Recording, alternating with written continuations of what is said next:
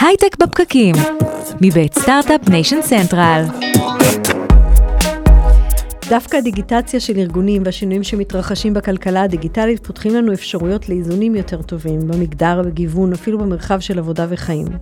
בפרק ליום האישה הבינלאומי ננסה להסתכל על ההזדמנויות שתהליכים בכלכלה הדיגיטלית מייצרים עבור ארגונים ולחברה בכלל. הייטק בפקקים, תכף מתחילים.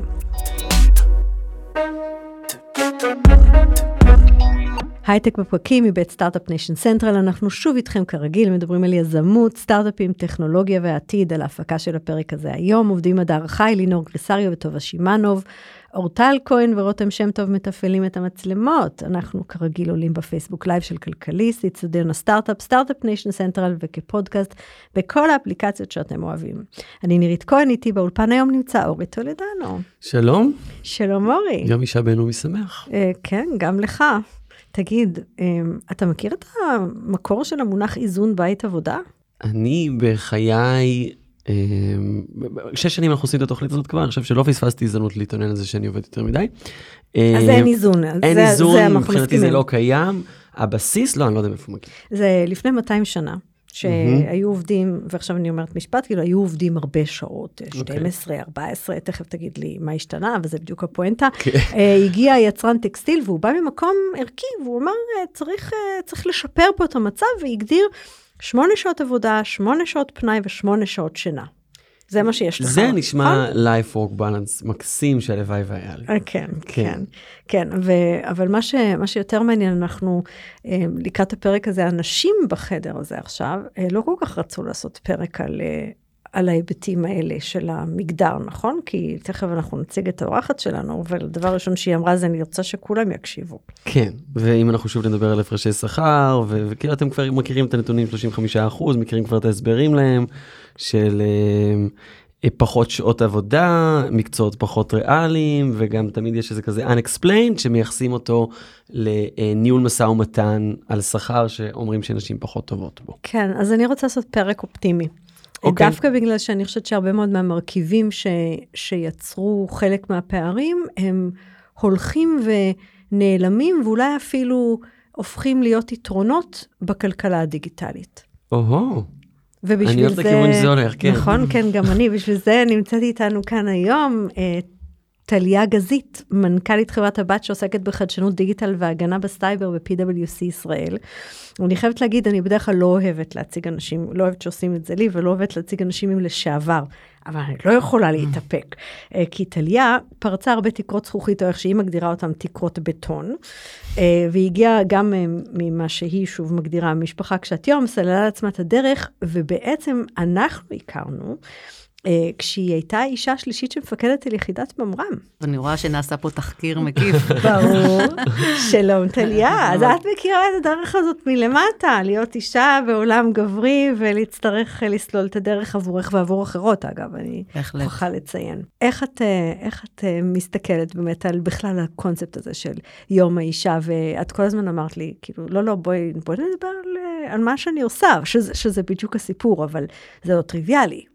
להיות אישה שעושה את מה שאת עושה, פעם לפחות, כשהתחלת את הדרך. נכון.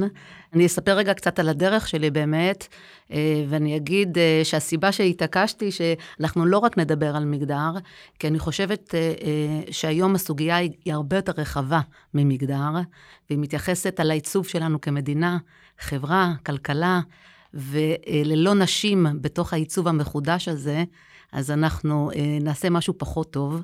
ולכן אה, חשוב לי לדבר, כמו, ש, אה, כמו שאמרת, נירית, על, ה, על הפרספקטיבה הרחבה. אז אה, באמת אני הייתי 28 שנים בצה"ל, אה, בתחום הטכנולוגי. התגייסתי uh, לממר"ם. אני רוצה רגע אפילו לקחת עוד קצת אחורה. כן. איך מלכתחילה הגעת לתחום הטכנולוגי בצה"ל? אה, זה סיפור uh, מדהים, uh, שאני לא יודעת אם יש זמן בפודקאסט לספר אותו, אבל uh, בתמציתיות אני אגיד uh, שבאמת באתי ממשפחה קשת יום. והייתה לי נקודה מסוימת אה, בחיים, שבגיל מאוד מאוד צעיר, דרך אגב, בכיתה ג', שאני, אה, להורים שלי לא היה, לא היה כסף אה, לתת לי ללכת לאיזשהו אירוע חברתי, ובנקודה הזאת אני החלטתי שמה שלא יהיה, אני אשנה את המצב שההורים שלי נמצאים בו, ובחרתי בלימודים כפלטפורמה לצאת מהמעגל הזה שההורים שלי היו, כי אבא שלי תמיד היה אומר, תלמדו כדי שלא תהיו כמונו. אה, וככה אה, הייתי תלמידה מצטיינת אה, בנוף לא, של משפחה שמרבית אנשיה או בני משפחתי לא סיימו אפילו בגרות. ואני בחרתי בשנת 86 ללכת ללמוד מתמטית פיזיקלית מחשבים, שזה לכל הדעות היה חריג, בטח בתוך המשפחה, ב- בוודאי גם לבנות, היינו שלוש בנות בכיתה. וזה גם לא מובן מאליו שזה בהכרח מקצוע ש... שהוא רווחי, וכאילו נכון. באותו זמן זה לא מה זה שזה לא, היום. כן. ממש לא. כן. והיה לי מורה שזיהה את הכישורים שלי בתחום הריאלי-מתמטי, וכל הזמן אמר לי, את צריכה להגיע לממר"ם. וככה הוא סלל לי את הדרך אה, להגיע לטירונות ולבקש להגיע לממר"ם, ומשם אה, בעצם התחילה דרכי, והסתיימה כשסיימתי את הקריירה הצבאית כמפקדת היחידה. אה, בתקופה מאוד מאוד משמעותית. של השתנות גם בתפיסות הלחימה, אפשר אחר כך להרחיב על זה אם תרצו. בדרגת אלוף משנה. בדרגת אלוף משנה. בקדנציה אני בעצם התמודדתי בחודש הראשון שלי בתפקיד עם אה, שני תרחישים אה, מבצעיים, שבהם הבנתי אה, שהקונספטים הטכנולוגיים והדיגיטליים בצה"ל כבר לא תואמים את האתגרים, את האתגרי הלחימה, שבעצם הלחימה משתנה לנו מול העיניים, ואנחנו, היחידות הטכנולוגיות, לא מספיק מוכוונים לשינויים העתידיים, ואני מתחילה תהליך מאוד גדול בצבא, של הובלה, של מהלך עם שינויים תפיסתיים, גם בתפיסות הלחימה, קרי, להגיד שהמימד הדיגיטלי הוא מימד כמו האוויר, הים והיבשה, נלחמים בו, ומשם אני מתחילה תהליך אה, מאוד גדול, אה, גם אה, תפיסתי כאמור, ארכיטקטוני, טכנולוגי, שינוי במקצועות, ובעצם טרנספורמציה בתוך הצבא לעולם החדש. זה, זה, זה נורא בולט לי, הדרך ממקום שבו הטכנולוגיה הייתה במקרה הטוב ברקע ובאה כאילו, את אומרת, אוי, צריך לשרת פה איזשהו עולם חדש, כן. למקום שאת נמצאת בו היום, ש, שהכלכלה היא בעצם, הכלכלה הדיגיטלית היא באמצע, באמצע, זאת אומרת, את בעצם אומרת, זה לא עכשיו בוא נכניס... מערכת שתתמוך בליבה, אלא האסטרטגיה שלכם צריכה להיות אסטרטגיה לכלכלה דיגיטלית. ללא כל ספק. אם בשנים הקודמות הטכנולוגיה הייתה enabler, היום היא, יש לה תק, תפקיד כפול ומכופל, היא גם קטליזטור, היא גם enabler, אבל מה שיותר חשוב להגיד, היא חלק אינהרנטי מהתפיסה העסקית של חברות וארגונים, ובטח ובטח תפיסה אינהרנטית כחלק מהכלכלה. הכלכלה, המונח כלכלה דיגיטלית, הוא מונח שמבטא בדיוק את ההשתנות ואת השילוב של הטכנולוגיה בתוך תפיסות פיננסיות, כלכליות, חברתיות, פסיכולוגיות, שבסופו של דבר משפיעות על האופן שבו נצרוך ונמכור ונקנה ונסחור, אה, ולכן המונח כלכלה דיגיטלית מבטא את, גם את הטרנספורמציה שמתחוללת במרחב אז, הזה. אז תני לי דוגמה, אם אנחנו רגע שנייה אחת רוצות להבין מה זה כלכלה דיגיטלית, אתה בנקודה הזאת של אה, דווקא בואי נדבר אולי דווקא על משהו מסורתי יותר, ארגונים מסורתיים, איך זה נראה כשזה מערכת, ואיך זה נראה כשזה תפיסת עולם של כלכלה דיגיטלית. כן, אז אולי קודם כל אני אגיד שהיום אני באמת אה, ממנכ"לת אה, חברה ב-PwC, חברת בת טכנולוגית, שהמטרה שלה, אנחנו מסתכלים על עצמנו כמי שלוקח חלק משמעותי בעיצוב ובפיתוח של הכלכלה הדיגיטלית, ואנחנו עושים את זה באמת על ידי חברות, על ידי זה שאנחנו מלווים חברות בפיתוח של קונספטים, עיצוב של קונספטים חדשים, דיגיטליים, פתרונות טכנולוגיים, והגנה פיתוח כלכלה בסייבר. דיגיטלית תמיד נשמע לי כמו... אה, לא, כן, לא בגלל זה אני. רוצה, אני רוצה אבל כן. תעשיות ישנות. תעשיות ישנות שמנסות להגיד, אוקיי, אנחנו ב-2023 לא שמנו לב, ב- בואו נתאים את עצמנו, אבל זה לא באמת המצב. מה, מה, מה זה בעצם טרנספורמציה דיגיטלית לארגון? איזה דברים כלולים בזה? אז כשאני מדברת על כלכלה דיגיטלית, חשוב לי להגיד שאני מדברת גם על חברות הייטק, חברות טכנולוגיות, ולא רק על חברות כן, אבל שם, אבל יותר. בכוונה רציתי דוגמה כן. משם כדי שנבין מה זה אומר, אז איך אני- זה נראה, מי אל. אז אני אסביר, למשל, ניקח אה, לדוגמה אה, קופת חולים שרוצה אה, להגדיל את פלח השוק של הקהל הצעיר. וכדי שהיא תבוא ובעצם להגדיל את הפלח שוק, היא צריכה לתת מענה לכאבים ולצרכים ולתפיסות של הקהל הצעיר. אז כשאנחנו באים ללוות את קופת חולים בהקשר הזה, אז קודם כל אנחנו בעצם מנתחים את ההשתנות והמגמות שיש בעולם בכמה היבטים. קודם כל בתחום הבריאות, מה זה בריאות? האם בריאות שווה קופת חולים, כן או לא? והתשובה היא בוודאי שלא, כן? כי היום אנחנו מסתכלים על בריאות, אז אנחנו לא רק רוצים אה, ללכת כשאנחנו חולים, אנחנו לא אלא... אנחנו לא רוצים את הקופת אה, חולים. כן, אנחנו רוצים להיות דה. בריאים, ובתוך זה יש גם את בריאות הנפש, והיבטים רגשיים, ולא רק אה, היבטים אה, של, אה, של גוף. זה אחד. שניים, אנחנו מנתחים את ה... איך הדור הצעיר תופס את עולם הבריאות, אבל איך הוא גם צורך שירותים, ומה הוא מצפה לקבל מתוך חברה שמספקת שירותים, מה החוויה שהוא מצפה לקבל. אה, וכשאנחנו בעצם, אז בעצם אנחנו משלבים פה שלושה אלמנטים, את, ה, את ההתפתחות של עולם הבריאות, את ההסתכלות על הדור הצעיר, ואת העולם הדיגיטלי, איך צורכים שירותים בעידן הנוכחי, ומתוך זה אנחנו בעצם מגבשים מוצר, פתרון, תפיסה, שאותה קופת חולים אה, תוכל להשתמש. כדוגמה נגיד באמת במהלך ש... זו דוגמה אמיתית קופת חולים, אפשר לדבר עליה? אה, זהו, שאני 아, אה, פחות כן. יכולה לדבר, אבל לצורך העניין, אם אנחנו ניקח את, לדוגמה את עולם, את וולט, כן? Mm-hmm. וולט לקח את עולם ה... היינו בקופת חולים, אז כן, כן. אנחנו יכולים לעלות דוגמאות, אז על כן אנשים בריאים שמשתמשים הרבה פעמים בתוכן ופורומים של, של קופות חולים בשביל להבין כל מיני דברים, וזה הרבה מהאינטראקציה הרפואית שלהם, שהיא גם יותר לבריאות. וגם ראיינו לפני שנתיים, אני חושב, את K-Health, כמעין איזה רופא דיגיטלי שנותן לך התחלה של... כן, כל הרעיון של דוקטור גוגל, או כן. גרסאות אה, יותר מדויקות ומתקדמות שלו, זה כן. לתת, להנגיש מידע לגמרי אחרת בעצם, לא, לא צריך לה... אבל... לכל החוויה, זה אני רוצה כרגע לצרוך, אני רוצה, יש לי בעיה אה, של משקל. אז הבעיה של משקל, הרבה גורמים יכולים לתת לי מענה לבעיה הזאת, היא לא רק הקופה. זה יכול להיות אה, אה, כושר, זה יכול להיות תזונה, וכשאני רוצה לתת אה, מענה לבעיה שלי, אני מצפה מאיזשהו אה, אה, גוף שייתן לי בראייה הוליסטית את כל האפשרויות. את האינטגרציה. את כל האפשרויות שיכולות לתת מענה לבעיה שלי, אבל ב, אני רוצה את זה כאן ועכשיו. אני רוצה לראות את המידע, את כל המידע, אני רוצה לקבל החלטות על בסיס משפיענים, וזה כבר לא אותה תפיסה שהייתה... כאילו בעצם, אה, בגלל זה לא רציתי כן. ללכת להייטק, כי כאילו בהייטק יש איזה משהו, אתה אומר, טוב, ברור, יש לי מנהל מוצר, וברור לי שלקוח במרכז, ברור שאני צריך להתמקד, וצריך לתת פתרון הוליסטי, וכאילו, ואת אומרת, אני לוקחת, בכוונה לקחנו דוגמאות מעולמות מסורתיים, שלמשל קופת חולים זה... יש רופא, תבוא לרופא, אתה צריך אחרי זה מומחה, תלך למומחה, אתה צריך אחרי זה בדיקה, תלך לבדיקה. זה לא, לא מסתכל על כן. זה באותה צורה. נכון. זאת אומרת, הדור מצפה, הוא מצפה לקבל מענה אחר. ללא ספק. זה, אמ, אני, אני חושבת בעצם, את הזכרת שאתם הקמתם חברה, ו, ובעצם זה גם בסיפור הזה של, של איך חברה כמו uh, PwC, שגם היא בעצם באה מהעולמות המסורתיים של חברות גדולות, של ראיית חשבון, ואחר כך ייעוץ שהתפתחו לעולמות האלה. נכון. עכשיו פתאום צריכה um, בעצמה להיכנס באיך היא עובדת לעולם, שזה גם אולי אחרי זה יוביל אותנו קצת לשיחה על, באמת על הדור ועל המגדר ועל גיוון ועל כל הדברים ששווה נכון. לגעת בהם. אז באמת, אה, PwC אה, גם כן, אה, גם מתחדשת, נקרא לזה ככה, ומבינה את השינויים ואת המגמות שיש בשוק. ובעצם חלק מהמגמות המרכזיות זה שבגלל שהעולם מתפתח בקצבים מאוד מאוד מהירים, אז ייעוץ שמסתכל באסטרטגיה של חמש שנים, עשר שנים, הוא כבר פחות רלוונטי לעולם הנוכחי. והיום חברות מצפות, אחד, להשביח את שווי המניה שלהם בקדנציה של המנכ"ל ושל הדירקטוריון, ושניים, יש תביעה ודרישה מצד הלקוחות לקבל אה, סוג אחר של, של שירותים.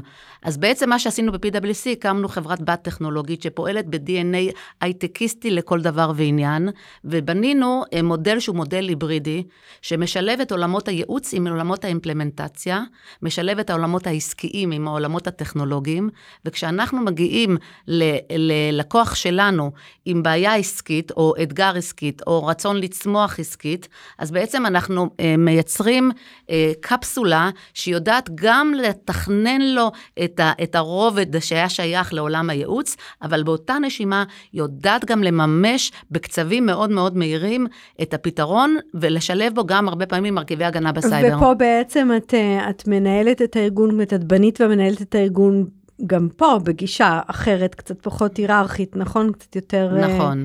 בניתי מבנה ש, אה, שמביא לידי ביטוי את היתרון ואת הערך היחסי של כל אחד מהעובדים בחברה. ויש מבנה שהמטרה שלו אך ורק לפתח שירותים, או לפתח את ההתפתחות המקצועית של האנשים. אבל בפעולה שלנו, כשאנחנו בעצם מובילים פרויקט, המבנה הוא שטוח לחלוטין, וכשיש לי פרויקט שאני צריכה לתת לו מענה, אז בעצם אני בונה צוות שהוא מולטי דיסציפלינרי.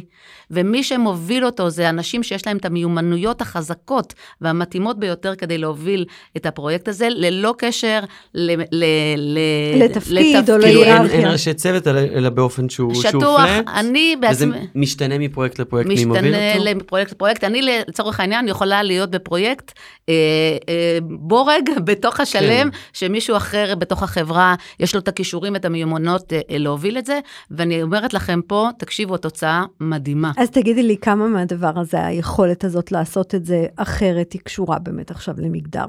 אחד הדברים שאנחנו מדברים עליהם באמת זה שבמעבר מעולם עבודה יותר ככה היררכי ו, ומפורמל למשהו יותר רשתי וקהילתי, mm-hmm. יש, יש תפקיד למה שהיסטורית הגדרנו מיומנויות של נשים. אני ללא, אני ללא ספק מסכימה, ואני אסביר. ואני חושבת אה, אה, שלאורך השנים אה, פיתחנו מנהיגות שמצד אחד היה בה המון השראה, ומצד שני היא הייתה מאוד ממוקדת משימה. והמנהיגות הזו, אה, בזכותה אנחנו נמצאים בנקודה שהעולם נמצא בה היום, ללא כל ספק. והיא, שייכת, הרבה מהאלמנטים הביצועיים, המשימתיים, משויכת לפעמים לתכונות שהן יותר גבריות מנשיות. בעידן של היום, בגלל שהעולם משתנה בקצבים מאוד מאוד מהירים, ואתה לא יכול להתפתח אורגנית. זאת אומרת, כשאני אומרת אורגנית, זה לא מספיק מהיר לקחת את החברה ורק לפתח אותה בשיטות ובמודלים הישנים. אלא אתה חייב גם לעשות שיתופי פעולה. אתה גם, אה, את, אה, חייבת, אני אה, חייבת רגע לשלב מיומנויות של אנשים שיכול להיות שהם בתפקיד מאוד מאוד זוטר, אבל יש להם מיומנויות מאוד מאוד גבוהות, או ידע. איך מזהים את זה? איך מזהים את זה? אתה קודם כל, אני, השיטה שאני עובדת בה, זה שאני מאפשרת לאנשים, אני אומרת בחברה, שלכולנו יש את אותה אחריות. והציפייה שלי זה שכשאנחנו יוצאים לפרויקט מסוים, אז שכל אחד יבוא ויגיד במה הוא יכול לתרום. והרבה פעמים אנחנו גם עושים... אה, אה, זה נשמע קצת איזשהו... אווירה קצת יותר התנדבותית, לא, שכל לא, אחד לא, לא. יכול לתרום. לתרום זה, זה כאילו... נשמע כן. התנדבותי, אבל זה לא. כי אני, כי אני אסביר, אני אביא דוגמה שלמשל, יש לנו אה, קבוצה שהיא אה, מתמחה במודיעין סייבר. ובאחד הפרויקטים עשינו due diligence טכנולוגי לחברת, לחברה טכנולוגית בשוק, ונדרשנו לקבל הרבה מאוד אה, מידע. ה due diligence בוצע ב, אה, באופן אה, דיסקרטי, mm-hmm. והיינו צריכים המון לקבל מידע שלא יכולנו לקבל אותה מהחברה עצמה. אז מה שעשינו זה בעצם השאלנו את המיומנויות שלנו מעולמות הסייבר. פרצתם להם. ו- לא, לא פרצנו, ו- ו- ואספנו מודיעין עסקי. כן. אוקיי? עכשיו, זה לא התנדבותי, זה, זה להבין רגע את ה, מה אנחנו רוצים להשיג, את, לדעת שאנחנו רוצים לתת ערך מאוד מאוד משמעותי ל, ל, ללקוחות שלנו, ולהשתמש באנשים המתאימים. אני אחזור לשאלה שלך. לא, אם רגע נשאר, כן. נשארת על זה, אבל איך את יודעת? את חלק מהקושי הגדול זה איך אתה יודע בזמן הנכון, שיש לך את האנשים הנכונים מיומנויות, שהן לא יושבות בהכרח תחת המבנה הארגוני או הטייטל הפורמלי שלהם. אה, זה... זה רק בהיכרות אישית, או שיש איזשהו מנגנון שדרכו את אומרת, אני צריכה עכשיו כזה מין אה, מודיעין עסקי, למי יודע, מי יודע למי יש כלים לעשות את זה. כן. אז, אז זה קשור גם להיכרות אישית, וזה קשור גם למנגנונים, וזה קשור גם ל-DNA של חברה. ואני אחזור רגע למנהיגות שדיברנו עליה קודם, בסדר? כי בעידן של היום, זה כבר, התהליכים, בגלל שהם באמת צריכים להיות רשתיים, הם צריכים אה, להיות כאלה שאתה אה, אה, לוקח את, ה, את האנשים שיש להם את היתרון היחסי בתוך החברה, ולהביא אותם לידי ביטוי בתוך הפעולה שלך. אני שואלת כן? אותך, איך? כי אני חייבת להגיד שהרבה מאוד מהאנשים, וגם המאזינים שלנו, הם ברמת התיאוריה, אנחנו יודעים שצריך לעשות את זה, זה בעצם כן. לשים את האדם הנכון בזמן הנכון, המשימה הנכונה, ברמת הפרקטיקה, כן. זה מאוד קשה בארגון לדעת, לדעת שהמידע יזרום, שמי הבן אדם הנכון, לפנות אותו אולי מדברים אחרים. אני מנסה להבין מה בכלים שאת יודעת להשתמש בהם כמובילה, כמנהלת, כן. גורם לזה לקרות יותר אז, טוב. אז קודם כל אני אגיד שה... אה, ב-DNA שלנו, אז קודם כל יש היכרות אישית. זהו, זה מה שחשבתי. אה, אה, אל מול האנשים שנמצאים בחברה. אז עכשיו אני אמנם חברה של 35 איש, אז זה כביכול קל, אבל אני משרה דוגמה אישית גם למנהלים שתחתיי, בסדר? אבל איך יוצרים את ההיכרות אישית הזו? כי זה לא רק ערך, זה משהו לא, ש... כי זה לא יכול להיות כוכב, זה לא את משבצת נכון, את כולם. נכון, זה לא רק כוכב, אז אני אומרת, זה להנחיל תרבות של היכרות אישית. אוקיי. ואז פה באמת אני מביאה לידי ביטוי מיומנויות שמייחסים אותם הרבה יותר לנשים מאשר לגברים, בהקשר הזה שהתרבות שה, שאני מנחילה, זה שאני קובעת, למשל, בתחילת השנה, יעדים לעובדים שלי. עכשיו, זה לא רק היעדים העסקיים, אני עוסקת בפיתוח האישי של האנשים שלי. ובתוך הפיתוח האישי של האנשים שלי, אני נותנת להם קודם כל משמעות אישית. Mm-hmm. מה אתה, אה, מה, איך אתה מתחבר למשמעות של החברה, אבל באופן כזה שאתה מרגיש משמעות אישית בתוך הדבר הזה. שזה מניע אותי, שזה, שזה מניע מקדם אותי. אותי. מה... למה אתה בחברה, מה אתה רוצה להשיג בדיוק. פה, מה היעדים שלך ואז בפנים. ואז את נותנת לו הזדמנויות ש... או לא ב... לה שבונות אותה משם? הזדמנויות שעוזרות לה או לא אה, לממש את זה. אני אה, מובילה תוכנית שנקראת בוסט בחברה, וכל התוכנית הזו היא תוכנית שעוסקת בפיתוח מיומנויות רכות. אה, ב, אה, של האנשים, שזה בהקשר העסקי, כן? אני לא פילנטרופית, אני, אני לא... אה, לא, זה הווין ווין בסופו נכון, של דבר. נכון, אני, אני, זה הווין ווין ללא כל ספק, והקישור, ואז אני משקיעה לא רק בזה שהם יכירו טכנולוגיה כזאת או אחרת, ויתפתחו ויקבלו הסמכות, אלא בפיתוח מרכיבים אישיותיים, כן. שבעצם אני מחזקת את החוזקות שלהם. ו- ומבליטה אותם באופן כזה שכבר כולם יודעים במה כל אחד טוב. את יכולה לתת אולי דוגמה לאיך עושים את זה? כי, כי אני מבין את הערך של כמה זה חשוב, אבל כן. אני חושב שרוב האנשים נופלים בהקשר הזה בשלב הביצוע.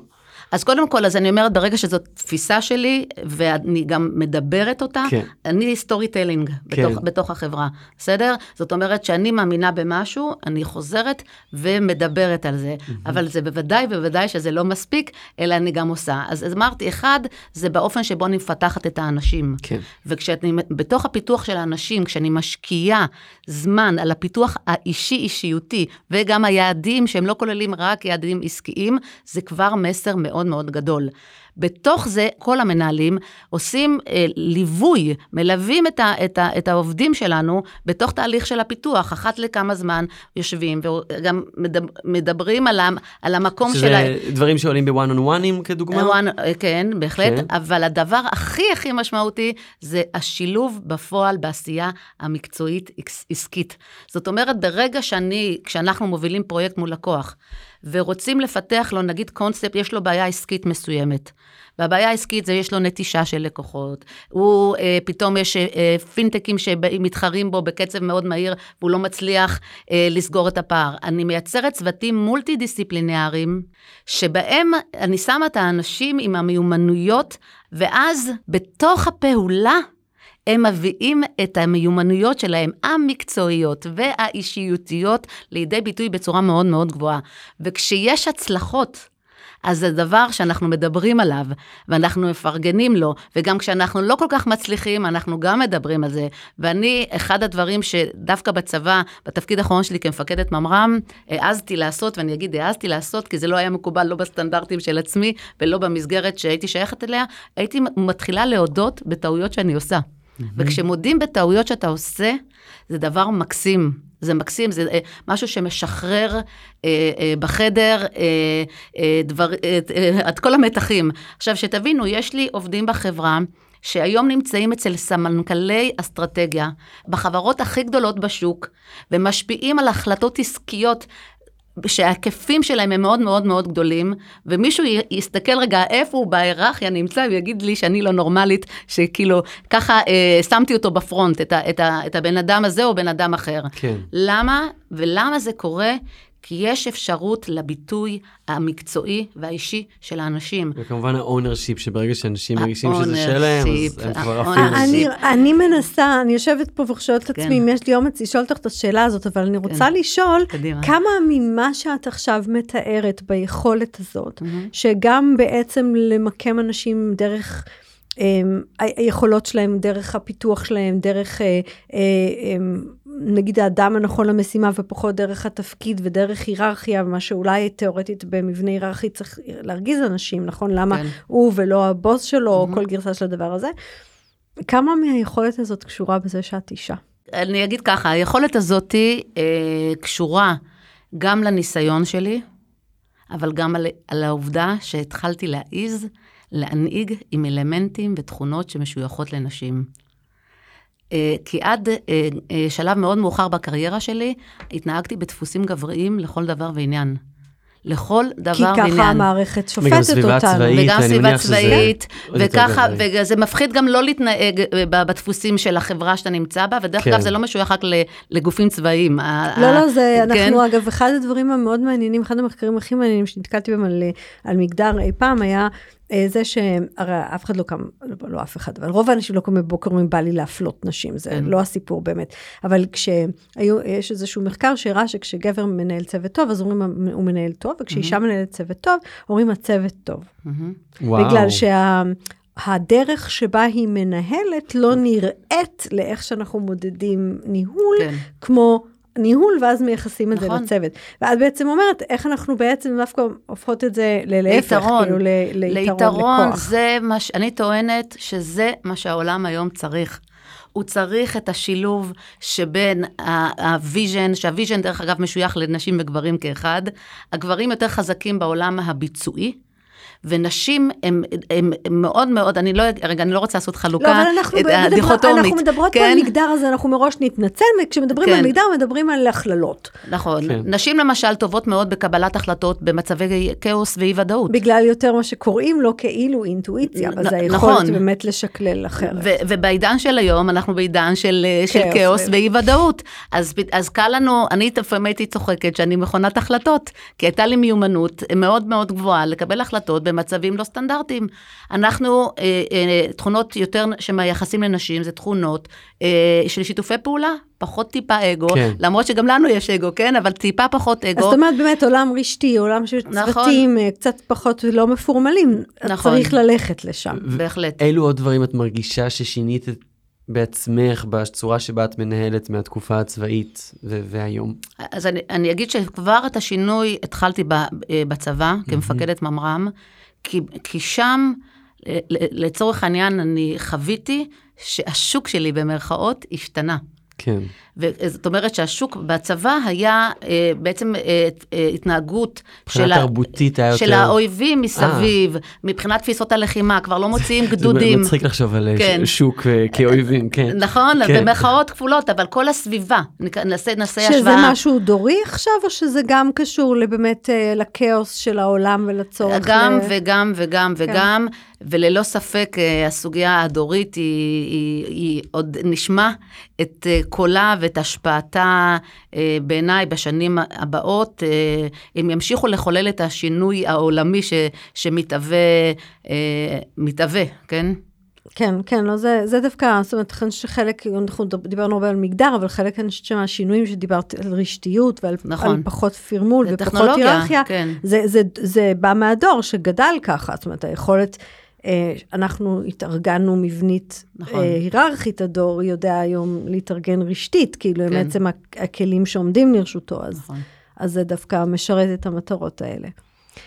מאוד מעניין. אני אני חושב שיש פה את אחד השינויים החברתיים הגדולים ביותר ש, שמתרחשים. אני רואה בסביבה שלי, אני מקווה שזה יותר נפוץ מהסביבה שלי, כנראה שזה פחות, שיש הרבה יותר מוכנות של גברים, כאילו כל החלוקת תפקידים הברורה משתנה. שהייתה פעם נעלמת, אנחנו פחות, אה, וזה טוב מאוד לשני הצדדים.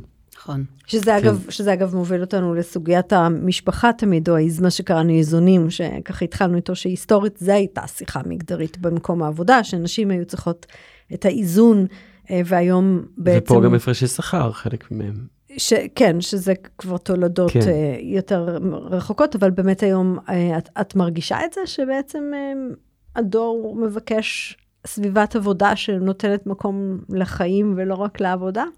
אז קודם כל בוודאי, ואני אני אגיד גם שאני חושבת שההסתכלות על, אה, מפרספקטיבה של חברה, קהילה, משפחה, פרט, בהרבה מובנים זאת הפרספקטיבה גם שתפתור את הבעיה המגדרית. כי אני מסתכלת על מה שעשינו לאורך השנים אה, בתחום המגדרי עם מאמצים מאוד מאוד גדולים, והתוצאות לא מלבבות. המספרים, המעטה, כן. המספרים אה, לא, לא, לא מספרים אה, אה, סיפור טוב. אה, ו- והמציאות גם לא מספרת סיפור טוב. עכשיו, ויש מה, יש, אה, אנחנו קודם כל צריכות להמשיך, ואנחנו צריכים להמשיך בפעולה ש- שמקדמת את הסוגיה המגדרית, אבל כשאני מסתכלת על הדור הבא, אני אומרת, הסוגיה המגדרית, מה זה יהיה מגדר בכלל, כן?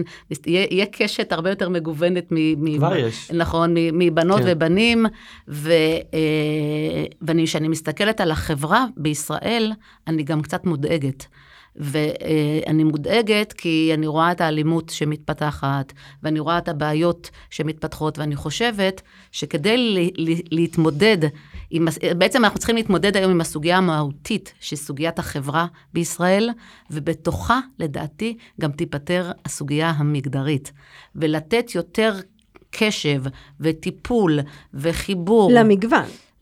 גם למגוון, אבל לקפסולות, קודם כל לפרט, אבל לא מהזווית שפיתחנו אותו לאורך השנים.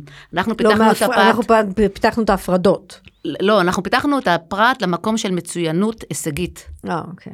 ואני חושבת שאנחנו במערכת החינוך, אנחנו צריכים להשקיע בשנים הראשונות אה, לא רק את העניין של ההישגות, אה, הישג, הישגיות והמצוינות ההישגית, אלא גם את, ה, אה, את ההיבטים של תקשורת מקרבת, את הדברים ש... את הביחד. את הביחד, כן. בדיוק. ש... אבל זאת אומרת, זה, זה לא רק, זאת אומרת, זה חברתי, זה ברור, אבל את אומרת, זה גם בשביל להיות מצוין היום, אתה מוכרח לדעת כל מיני צורות של שיתוף פעולה. לפעמים אתה מוביל, לפעמים אתה מובל. נכון? תיארת את עצמך כן. בתור מנהלת, יכולה להיכנס לתוך צוות ולהיות מישהו שנותן שם איזושהי יחידת תוכן. בהחלט. אני, אני לא יודעת אם הייתי ברורה, כי נדמה לי שלא. אני רוצה להגיד שאנחנו חייבים בעידן של היום, לצד הטיפול בסוגיה המגדרית, ואני אומרת סוגיה מגדרית, אני מתכוונת לזה שצריכה להיות יותר אפילו חקיקה, ש, שמחייבת אה, מצד אחד גופים לשים נשים בעמדות מפתח, או לחילופין את אומרת מתגמלת... חקיקה ואני אסתכל על לא הכנסת חק- וה-29 נשים אה, שיש שם. נכון, כן. אבל אז אני לא אגיד חקיקה, או לתגמל אה, חברות במיסוי על, אה, על בורד שהוא 50 ו-50. זאת אומרת, אנחנו חייבים לעשות מעשים שימשיכו לעודד נוכחות של נשים בעמדות בחירות, כי כל עוד לא נהיה בעמדות בחירות, ההשפעה שלנו כנשים היא נמוכה, זה אחד.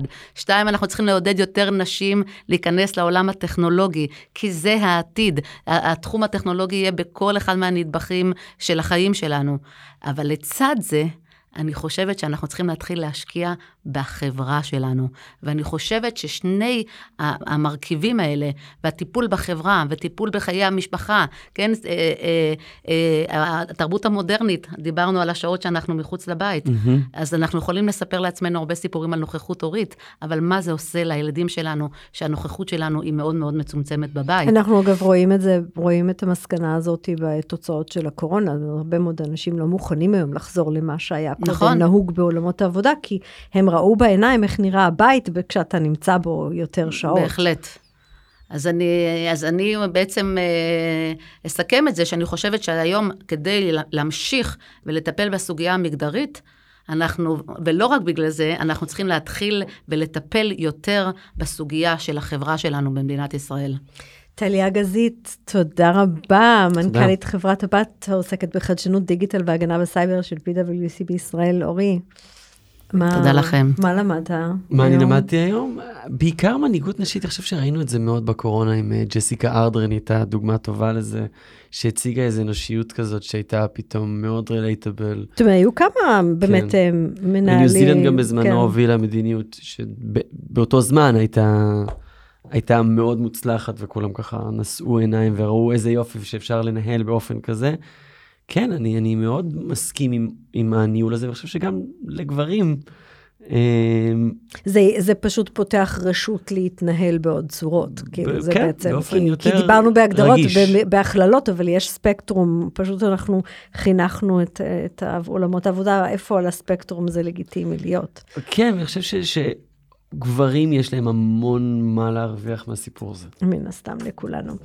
תודה שהאזנתם לנו, תודה לכלכליסט ול Start-Up Nation Central לשיתוף פעולה. אנחנו מזמינים אתכם לקבוצת הפייסבוק שלנו, שנקראת כמובן הייטק בפקקים, להצטרף לדיונים, להציע לנו הצעות, לשאול שאלות. תודה להדר חי, לינור גריסריו וטובה שימנוב, אורטל כהן ורותם שם טוב על ההפקה של הפרק היום.